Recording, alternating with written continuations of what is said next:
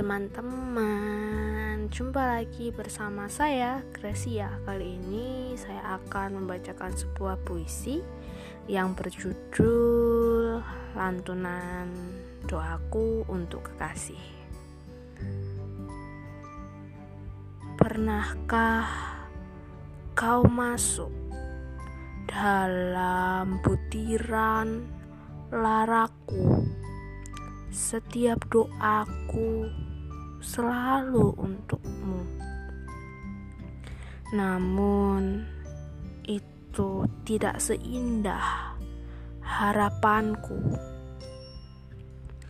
Doa-doa yang aku panjatkan seperti hampa tanpa ruang.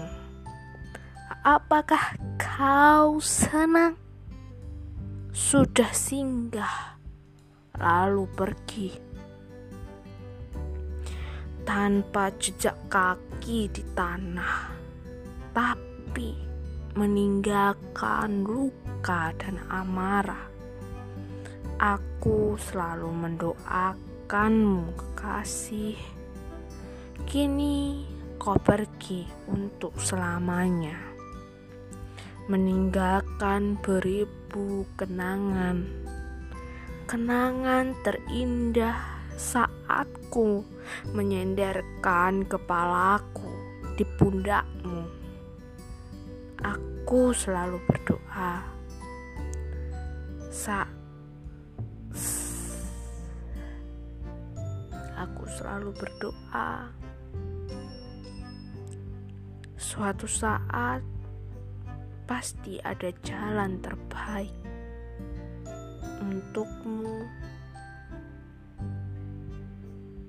bersama sang pujaan gadis yang baru. Terima kasih sudah singgah.